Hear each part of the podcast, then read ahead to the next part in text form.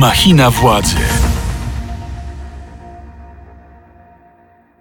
Dzień dobry, tu Mikołaj Pietraszewski. Zapraszam na pierwszy po wakacjach odcinek podcastu Machina Władzy. Dzisiaj moim i Państwa gościem pierwszym właśnie powakacyjnym, nowosezonowym odcinku jest Sławomir Broniarz, prezes Związku Nauczycielstwa Polskiego. Dzień dobry, panie prezesie. Dzień dobry panu, dzień dobry państwu, aczkolwiek nie tak bardzo rozumiem, dlaczego akurat związek i prezes związku ulokowany jest w audycji pod tytułem Machina Władzy. No bez wątpienia jest pan człowiekiem, który jakąś władzę posiada. Zapewne. Mówią o panu wszechwładny lider związkowy.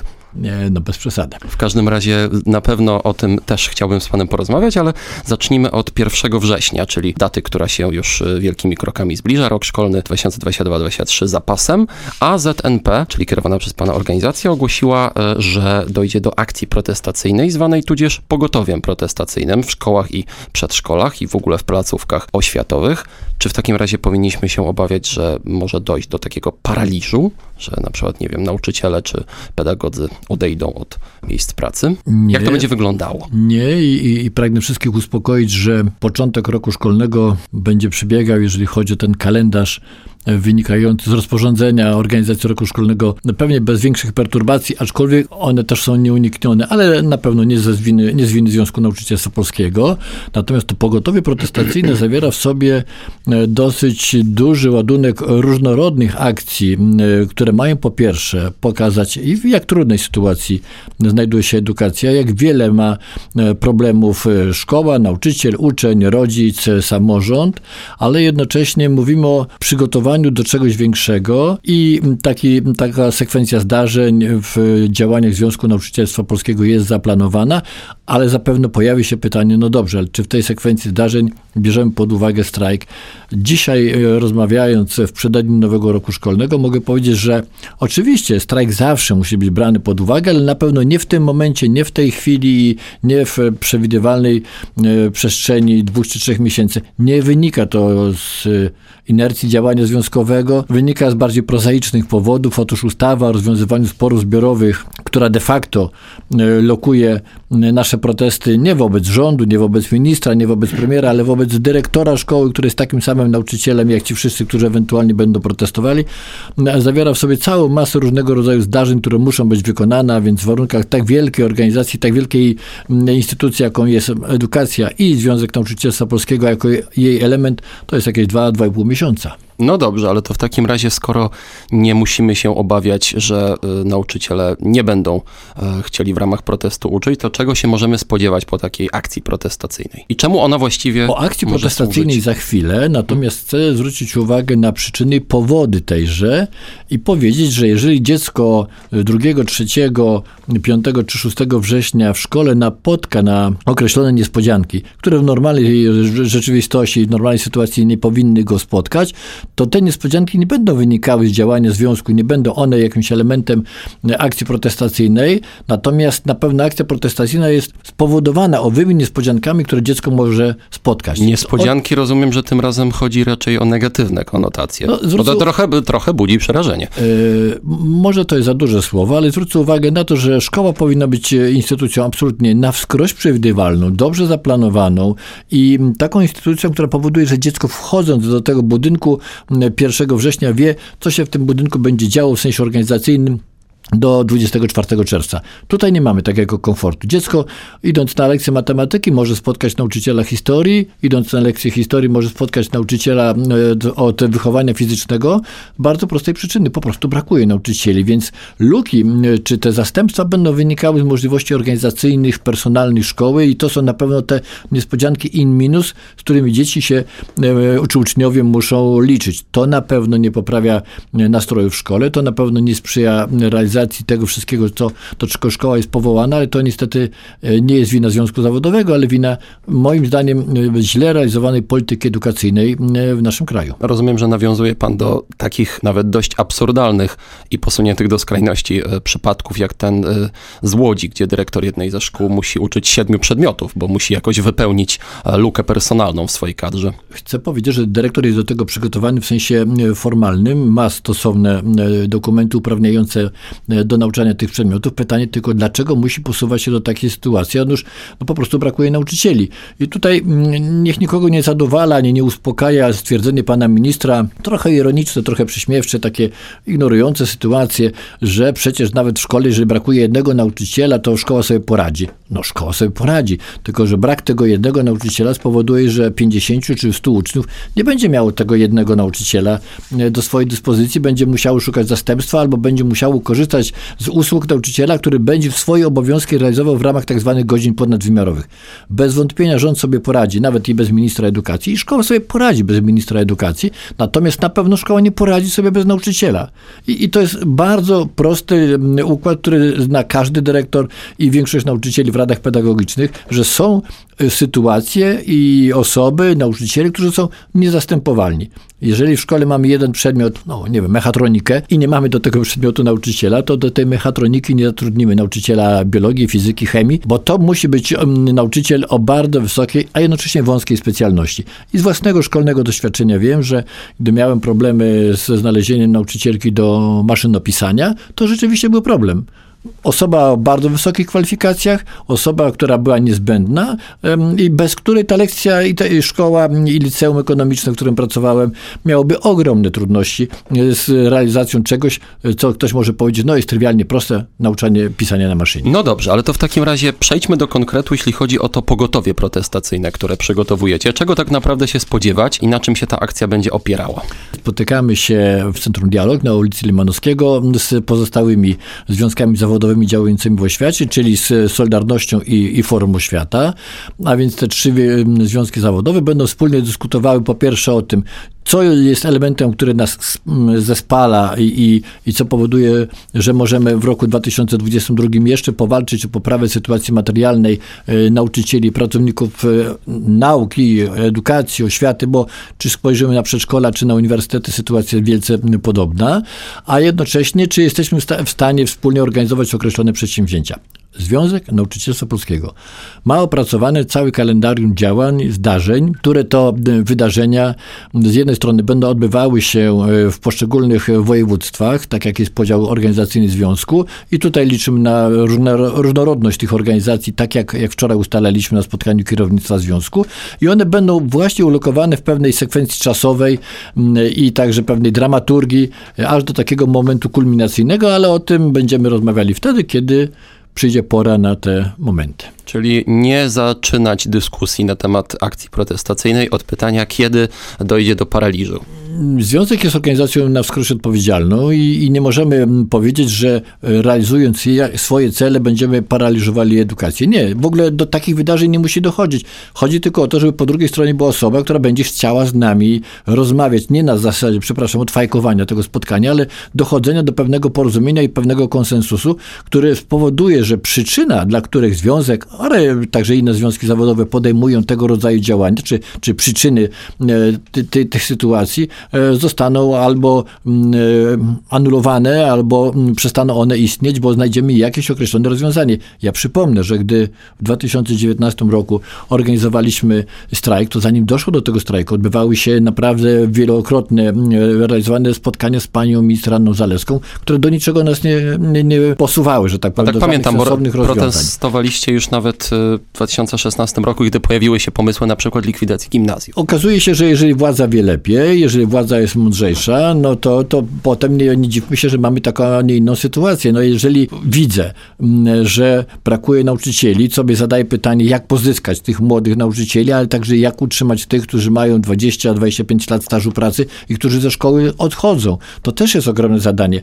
Nie możemy się skupiać tylko i wyłącznie na placówkach oświatowych. Zwróćmy uwagę na to, że e, w szkołach wyższych e, największą statystycznie, liczbowo grupą są nauczyciele, którzy mają ponad 20%, 20% dodatek stażowy, więc mają bardzo duży staż pracy. Brakuje młodych naukowców, także z powodów finansowych. No i, i tutaj nikt lepszego stymulatora, lepszego oddziaływania na podejmowanie decyzji dotyczących podjęcia pracy bądź porzucenia pracy niż finanse, póki co nie znalazł. Samą ideologią, samym poświęceniem, misją, zaangażowaniem, miłością do szkoły, do dzieci i tak dalej, my nie napełnimy garnków i na pewno nie zapłacimy za rosnące koszty utrzymania. Słuchasz podcastu Radia Z. No właśnie, mówi pan o wakatach wśród nauczycieli. Skąd te rozbieżności w statystykach?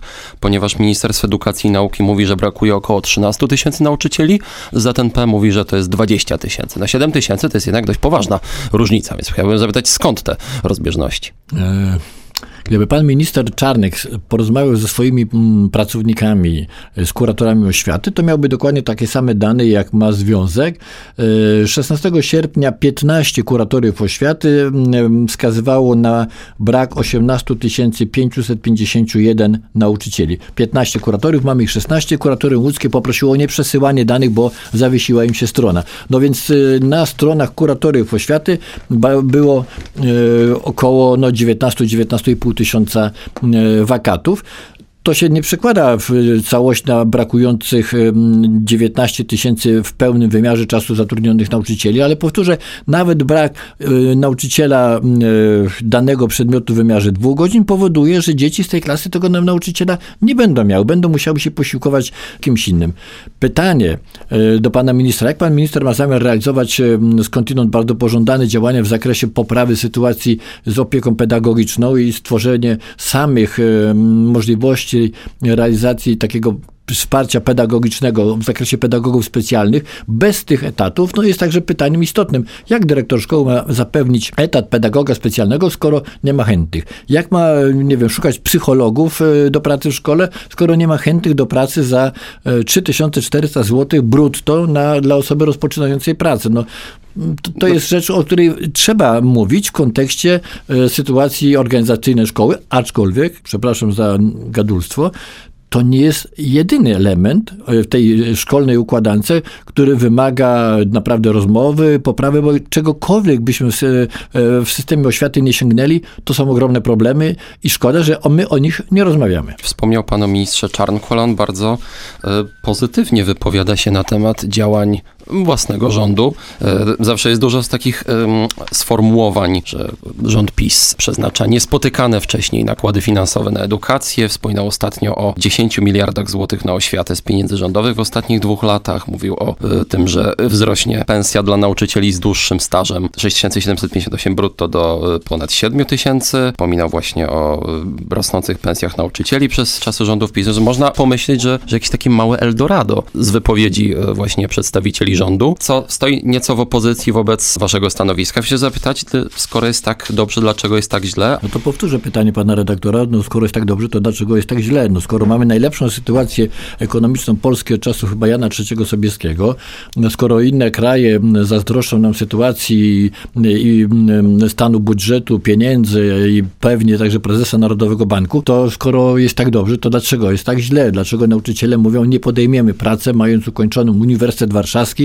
mając także magisterium e, z historii za 3400 zł e, brutto. Właśnie, bo kwestie brutto, netto to też tutaj czasami bywają problematyczne. Ale to akurat, co prosował pan minister Piątkowski, tak w gruncie rzeczy było na zasadzie ignotum per ignotum i pan minister Piątkowski niczego nie wyjaśnił, a jeszcze bardziej się w tym wszystkim zagmatwał. Natomiast chciałbym zwrócić uwagę e, panu doktorowi habilitowanemu, jakiemu panu ministrowi Czarnkowi, że rząd nie ma własnych pieniędzy, że to są nasze pieniądze, nasze podatkowe pieniądze zebrane od każdego obywatela, więc tutaj nikt łaski nam w tym zakresie nie robi. Czy ja tu słyszę, że lider związku cytuje, czy parafrazuje Margaret Thatcher? No tak. Do, czego, do czego to doszło? Do, e, wydaje się, że trzeba korzystać z dobrych, mądrych wzorców, dlatego że mamy wrażenie, że społeczeństwo jest karmione taką, że tak powiem, papką informacyjną, rząd da, rząd wyda, rząd pomoże i tak dalej. Nie, to są po prostu nasze podatkowe pieniądze, które my dajemy, więc jeżeli mówimy, że rosną radykalnie dochody budżetu państwa, no to dlaczego te dochody i redystrybucja tych dochodów jest tak niesprawiedliwa? Ja, ja nie, nie chcę zaglądać do kieszeni pracowników y, służby zdrowia, ale jeżeli ja widzę, że pielęgniarka dostaje podwyżkę na poziomie 1550 zł, zapewne jej się to należy, ale zderzmy to z podwyżką 340 zł dla nauczyciela, który ma wyższe studia ukończone i który też, y, tak jak ta pielęgniarka, ponosi koszty. Jeżeli technik w zakładzie medycznym dostaje podwyżkę ponad ponad 1000 zł, no to porównajmy to z magistrem fizyki, któremu proponuje się przy 9% podwyżce hipotetycznej, bo taka rzekomo ma być od stycznia, podwyżkę brutto na poziomie 360 zł. Więc mówimy, że sprawiedliwy podział środków będących w dyspozycji budżetu państwa powinien uwzględniać interesy nie tylko grupy wyborców, nie tylko osób, które są deklarowane w sensie badania statystycznego jako zwolennicy ekipy rządzącej, ale także interesu tych, którzy być może dla ekipy rządzącej jawią się jako y, opozycja, ale bez której to grupy, mam na uwadze nauczycieli, nie jesteśmy w stanie tego y, kraju posuwać do przodu. I, i na to zwracamy uwagę. Powtórzę, to nie chodzi tylko i wyłącznie o płacę nauczycieli. Chodzi o warunki pracy, o nakłady, szeroko rozumiane nakłady na edukację, o nakłady na szkolnictwo wyższe, na badania, na rozwój. No, nie możemy się cieszyć z faktu, że na liście szanghajskiej my okupujemy tam 600 y, y, czy 700 miejsce w sytuacji, gdy nasze nakłady na edukację są mniejsze aniżeli y, wielu pojedynczych uniwersytetów Zachodu. Aczkolwiek są to zaniedbania wielu lat i wielu nikt, rządów. Nikt tego nie neguje. No ale skoro jest tak dobrze, no to, to pokażmy pokażmy, że chcemy te, tę bardzo dobrą sytuację ekonomiczną dyskontować i, i nie, nie opowiadajmy sobie rzeczy, że oto nauczyciel od stycznia będzie zarabiał 7900, e, bo ja chciałbym, żeby minister Czarnek pokazał nam statystycznie takiego nauczyciela, który jest e, zatrudniony w szkole i który ma wszystkie te elementy dodatkowe, które na ten konstrukt ekonomiczno-prawny, jakim jest nasz system wynagradzania, że on, że wszystkie te elementy posiada. Nie ma takiego? Nie ma. Dlaczego? Dlatego, że w tym układzie mamy no, dodatek funkcyjny, otrzymują go dyrektorzy szkół, dodatek motywacyjny, dodatek stażowy. Mamy tutaj także pracę w warunkach trudnych, w warunkach szkodliwych. Parę tysięcy nauczycieli pracuje z młodzieżą trudną i ma określone dodatki. Paru, parę te, paręnaście tysięcy nauczycieli ma, ma dodatki dyrektorskie, ale y, układ taki, że, że wszyscy ten dodatek mają plus jeszcze odprawę emerytalną, która w to jest wkomponowana. Nie znam takiego nauczyciela. Dlaczego o tym mówię? Dlatego, że onegdaj pan minister Handke stworzył tutaj takiego potworka niestety yy, statystycznego, który pozwala określić skalę potrzeb środowiska edukacyjnego, ale Jan Kowalski, który uczy w szkole numer jeden w Warszawie, gdzieś tam na Mokotowie, otrzymuje na pewno wynagrodzenie zasadnicze, jak 1 września przyjdzie do szkoły i jeżeli ma więcej niż 4 lata stażu pracy, dodatek stażowy. Jeżeli nie ma tego mm, elementu stażowego, to jego wynagrodzenie 1 września, które otrzyma, wynosi 3420 zł brutto. To są wszystkie pieniądze. Nauczyciel po 20 latach stażu pracy do tego może liczyć sobie, doliczać 20% dodatku stażowego. Jak dobrze pracuje i dyrekcja szkoły uzna wspólnie z samorządem, że można dać mu dodatek motywacyjny, on jest przyznawany przez dyrektora szkoły, ale tutaj samorząd ma istotne znaczenie w tym procesie, to też może ten dodatek otrzymać w zależności od gestu i zamożności samorządu. Jeżeli jest dyrektorem szkoły, może dostać dodatek funkcyjny. I, i jeżeli ma godziny ponadwymiarowe, co u dyrektorów rzadko się zdarza, no to dostanie dodatkowe wynagrodzenie, ale za dodatkową pracę. I to wszystko niestety składa się na taki element owego średniego, przeciętnego wynagrodzenia w kraju, co doskonale zaciemnia obraz i pozwala ministrowi mówić, no jak to nauczyciele będą zarabiali 7300, y, 7400 y, od nowego roku. Nie będą zarabiali tyle, bo nie wszyscy są dyrektorami, nie wszyscy mają dodatki stażowe, nie wszyscy mają dodatki motywacyjne, nie wszyscy mają godziny ponadwymiarowe, etc. Dla nauczyciela liczy się to, co jest na liście płac. Mam wynagrodzenie zasadnicze, do tego dochodzi ewentualnie dodatek stażowy i to jest wszystko, co ja otrzymuję. Stąd inicjatywa Związku Nauczycielstwa Polskiego, żeby płaca nauczyciela, to wynagrodzenie jego co miesiąc otrzymywane, było jednak porównywane z przeciętnym wynagrodzeniem w kraju, które jest publikowane przez Główny Urząd Statystyczny i taki projekt obywatelski zgłosiliśmy do Sejmu. No, pytanie, dlaczego nauczycielka, marszałek Sejmu, pani Elżbieta Witek nie nadaje temu projektowi kolejnych etapów procedowania jest istotny. Skądinąd wiem, że Solidarność również ma podobny pomysł, a więc to jest taki element nasz, nas jednoczący. O to też chciałem zapytać, czy to jest inicjatywa tylko i wyłącznie Związku Nauczycielstwa Polskiego, czy jakby inne związki zawodowe, także właśnie Solidarność, która czasem jest postrzegana jako związek trochę bliższy temu rządowi, również jest chętna dołączyć do, takiego, do takiej akcji protestacyjnej, która mogłaby ewentualnie później wyewoluować w jakiś większy strajk. Znaczy, ta inicjatywa obywatelska zrodziła się w ZNP, ale bez, bez wątpienia pod, na tych listach, bo trzeba zebrać minimum 100 tysięcy autentycznych, wiarygodnych podpisów, podpisywali się nauczyciele, którzy należą do różnych związków zawodowych, także nie należący do, do związków zawodowych, a ten komitet obywatelski składał się faktycznie z działaczy związkowych, ale absolutnie nie przypisujemy sobie tutaj próby zmajoryzowania tego przedsięwzięcia. Zależy nam na poprawie sytuacji nauczycieli bez względu na barwy polityczne, bo one są są dokładnie takie same i chcielibyśmy po prostu móc współpracować na rzecz poprawy sytuacji materialnej tego środowiska. Słuchasz podcastu Radio Z. A jeżeli pojawi się taki zarzut, że taka akcja protestacyjna, którą teraz przygotowujecie, to jest właściwie tylko takie trochę gardłowanie dla samego gardłowania i że jedyne, co ewentualnie mogłoby przynieść jakiś skutek, to taki naprawdę poważny strajk paraliżujący działania systemu, to jak pan odpowie na to pytanie?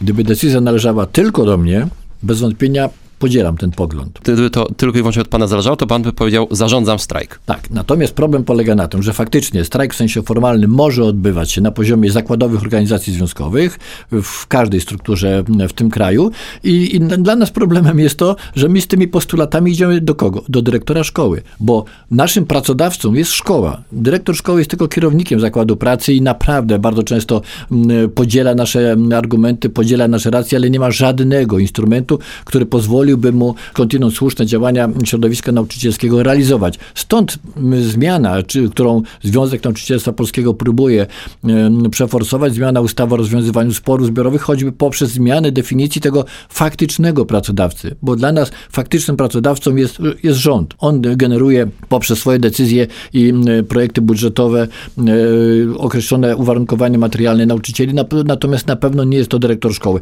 Ale powtórzę, samo wydarzenie dramatyczne w swoim wyrazie, jakim jest strajk. Dzisiaj nie możemy o tym mówić w jakiejś bliższej, oczekiwanej przyszłości, więc przejdźmy do innych form e, działania Związku Nauczycielstwa Polskiego. Nie próbujmy straszyć, nie, nie próbujmy epatować opinii publicznej tego rodzaju wydarzeniami. Natomiast do czego zmierza nasza akcja? Poprzez różną sekwencję zdarzeń, do tego, żeby społeczeństwo uznało, że edukacja nie jest problemem e, w takim trochę dualnym układzie ministra i nauczycieli, ta edukacja powinna być przedmiotem zainteresowania nas wszystkich, choćby poprzez presję wybierano na, na posłów, na parlament, na samorząd, który wcale nie znajdzie się w lepszej sytuacji e, od, od września, kiedy przyjdzie podnosić zwiększone koszty utrzymania szkół placówek, ale jednocześnie zwracamy uwagę na to, że edukacja to nie jest tylko kwestia materialna, to jest także kwestia złej, kostycznej podstawy programowej. Mówię tu o treściach nauczania. To jest także pytanie bardzo istotne. Od 1 września ono jest pytaniem tysięcy dyrektorów i samorządów, samorządów, jak przyjąć, jak należycie zorganizować pobyt uczniów ukraińskich. To jest także pytanie o warunki edukacji w sytuacji, gdy mamy podwojenie rocznika, będące następstwem działania Anny Zaleskiej i reformy i tych problemów tysięcy uczniów, którzy 1 września albo pójdą nie do, nie do tej szkoły, do której chcieliby pójść, lub do tej klasy, która ich zupełnie nie interesuje, ale będą musieli, bo nie znaleźli się e, w mm, orbicie e, zainteresowań czy na listach uczniów w tych szkołach, w tych klasach, do których chcieliby pójść. No wyobraźmy sobie, że my nagle musimy od 1 września pójść do zakładu pracy, do którego nie chcemy pójść, ale żeby się utrzymać, żeby móc zapłacić za wodę, światło, gaz i, i, i kawałek chleba, to musimy w tym zakładzie pracować. Jak się czuje dziecko, które aspirowało do liceum ekonomicznego, ale nie może iść do tego liceum ekonomicznego, bo nie ma miejsc, bo nagle jest półtora rocznika i musi iść do innej, wybranej, niechcianej przez siebie szkoły czy klasy. To są naprawdę ważne problemy, być może indywidualne, ale rzutujące także na na, tą atmosferę, z którą my się spotykamy w szkołach, bo najważniejsze w tym całym modelu jest interes dziecka. To jest sól edukacji. Jeżeli my to będziemy bagatelizować mm, w całokształcie naszych działań, to niestety obraca to się na niekorzyść tego systemu i na niekorzyść jakości nauczania. A ma pan takie poczucie, bo znowu użyję tego słowa strajk, ale wrócę do wydarzeń sprzed trzech lat, trzech i pół roku, e, wiosną 2019 roku, czyli właśnie tego generalnego strajku e, w systemie oświaty. Nie ma pan wrażenia, że to się nie powiodło tak, jak, jak powinno. W sensie, bo jest taki trochę żal czy, czy pretensja w środowisku nauczycielskim, że ten strajk ogólnopolski został jednak tak brutalnie przerwany niewiele udało się tak naprawdę wywalczyć. I że na przykład y, Prawo i Sprawiedliwość jako rząd miało zabezpieczone pewne ruchy i przygotowane było również na wasze reakcje. Czyli na przykład jeżeli nauczyciele odchodzili od przysłowiowych biurek, no to udało się przegłosować tę ustawę, która pozwalała e, każdej osobie z wykształceniem pedagogicznym pilnować maturzystów. Czyli właściwie troszkę doszło do takiego zaszachowania. Więc pytanie, czy nie ma pan żalu, że doszło do takiego trochę roztrwonienia kapitału społecznego, który się wtedy jakoś ukonstytuował? No tak, ale mm, geneza tego wszystkiego mm, chyba jest związana także z tym, co działo się w niedzielny wieczór, czyli e, z porozumieniem, które zostało podpisane z rządem przez Solidarność, bo to w jakiejś mierze pokazało, że istnieje jeden słuszny związek zawodowy, który chce rozmawiać. Tak, bo do, tam doszło do takiego wyłomu trochę. Tak, a który notabene do dzisiaj e, nie uzyskał tego, e, co było przedmiotem owego porozumienia, co także wprowadziło bardzo złą atmosferę w szkole, ale z jednym jakby nie do końca mogę się zgodzić. Oczywiście strajk nie osiągnął celu ostatecznego, jakim był wzrost tego wynagrodzenia o tą kwotę tysiąca złotych, ale proszę zwrócić uwagę, że następstwem tego strajku były dwukrotne podwyżki wynagrodzeń nauczycieli. One oczywiście nikogo nie zadowalają, a na pewno nas nie zadowalają, organizatorów, organizatorów strajku. Było także wycofanie się rządu Ministerstwa Edukacji Narodowej z, całego, z całej sekwencji zmian w statusie zawodowym nauczyciela. Mówię o propozycjach Hanny Zaleskiej dotyczącej właśnie oceny pracy nauczyciela, kwantyfikatorów związanych z tą oceną, a więc te wszystkie działania, które uderzały bezpośrednio w nauczyciela, łącznie z dodatkowym czasem pracy, zostały wyeliminowane, ale wrażenie jest takie, w jakiejś mierze tutaj podzielam Pana opinię, że nauczyciele po pierwsze nie dostrzegli tego, że Zaleska wycofała się ze, swoich propozycji, że jednak były y, podwyżki płac, one nas nie zadowalają i, i, i słusznie, że w jakiejś mierze to rzutuje na obecną sytuację. Dla nauczycieli istotne było to, że przystąpiliśmy do strajku i, i tego celu finalnego nie osiągnęliśmy. No ale ja nie chcę odwoływać się do historii, aczkolwiek to jest jakby moja domena zawodowa, ale wiele strajków się odbyło i, i celu ostatecznego nie, nie, nie osiągniętego, ale ten kapitał, który mimo wszystko w ludziach drzemie, warto wykorzystać i pewne doświadczenia z tym związane y, będą procentowały także w przyszłości. Natomiast na pewno jest także twarda statystyka. Ja widziałem w codziennych sprawozdaniach, jaki jest poziom nasycenia akcji strajkowej i wydaje się, że decyzja władz związku, bo to nie była moja jednoosobowa decyzja, y, takiej władzy prezes związku nie posiada, że ta decyzja wynikała z racjonalnych przesłanek, z racjonalnych informacji przekazywanych nam przez nasze struktury y, z każdego zakątka kraju.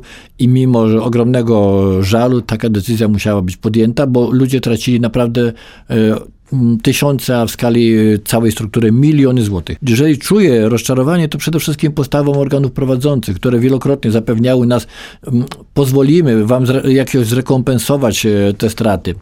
Dostrzegamy waszą rolę społeczną, dostrzegamy to, co robicie dla naszej lokalnej edukacji, po czym nagle bardzo chętnie z tego się wycofali, oszczędzając na tym miliony złotych. Pokłosiem waszej akcji protestacyjnej było też odejście minister Zalewskiej, aczkolwiek głównie dlatego, że dostała się do Europarlamentu.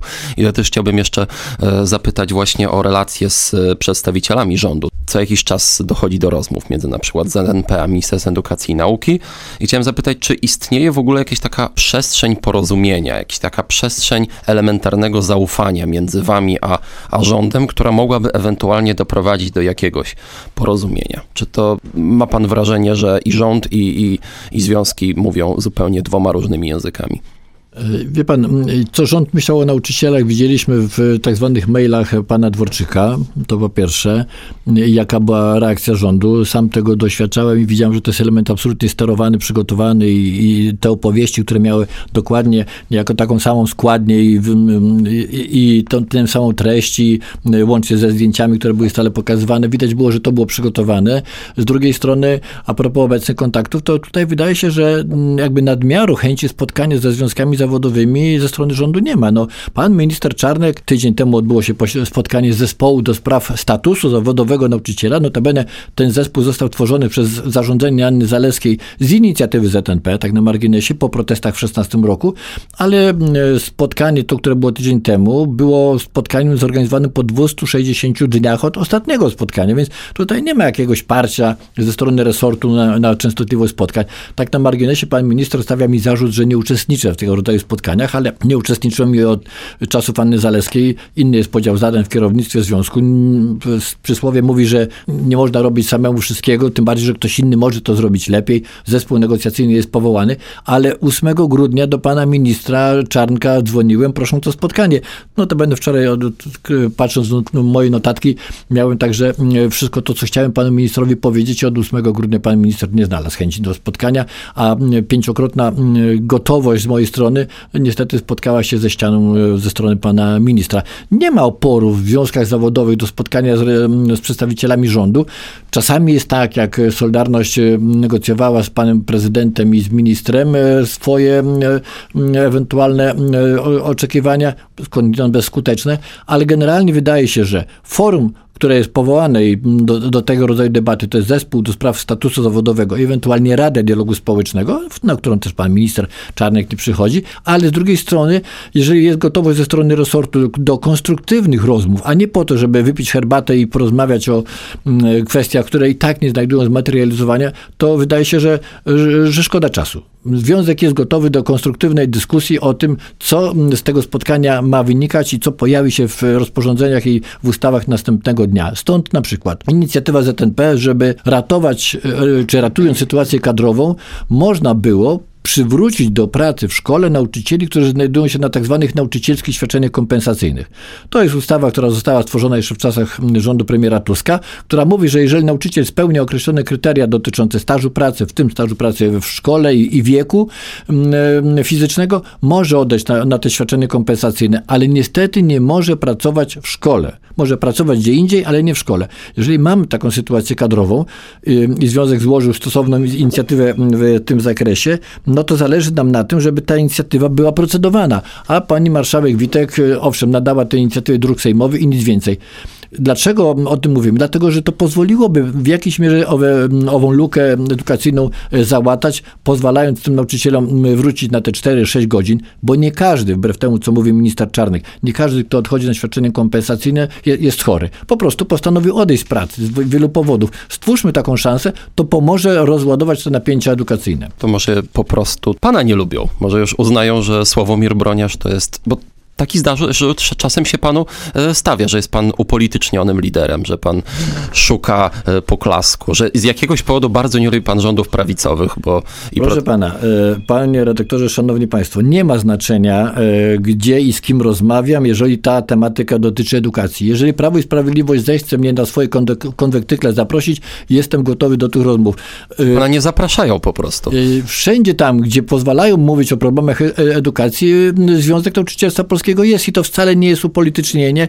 Nie, nie możemy tego mylić z taką stricte działalnością partyjną. Notabene nigdy nie należałem do żadnej partii w przeszłości, w teraźniejszości i nie, nie przypuszczam, żebym teraz miał chęć zapisania się, ale powtórzę, edukacja jest fragmentem naszego życia politycznego. To jest komponent funkcjonowania zbiorowości i, i warto, abyśmy na ten temat rozmawiali i nie dopisywali komuś łatki, że on jest politykiem i uprawia politykę. Jeżeli uznajemy, że walka o prawa pracownicze, walka o dobrą edukację, walka o prawa ucznia, o lepsze warunki pracy jest polityką, to taką politykę Związek Nauczycielstwa Polskiego uprawia w interesie tego najważniejszego komponentu naszego życia społecznego, którym jest edukacja. I tym akcentem chciałbym zakończyć dzisiejszy odcinek. Moim i Państwa gościem był Sławomir Broniarz, prezes Związku Nauczycielstwa Polskiego. Dziękuję za miłą rozmowę i polecam działalność Związku Nauczycielstwa Polskiego, wnikliwe obserwacji także najbliższe dni i tygodnie. Właśnie, śledźcie Państwo to, co się dzieje w polskiej edukacji. 1 września już niedługo. Ale jeżeli mogę jeszcze jedno zdanie, wszystkim uczniom i nauczycielom życzę spokojnego tego roku szkolnego. Nie tylko spokojnego mm, pierwszego dnia września, ale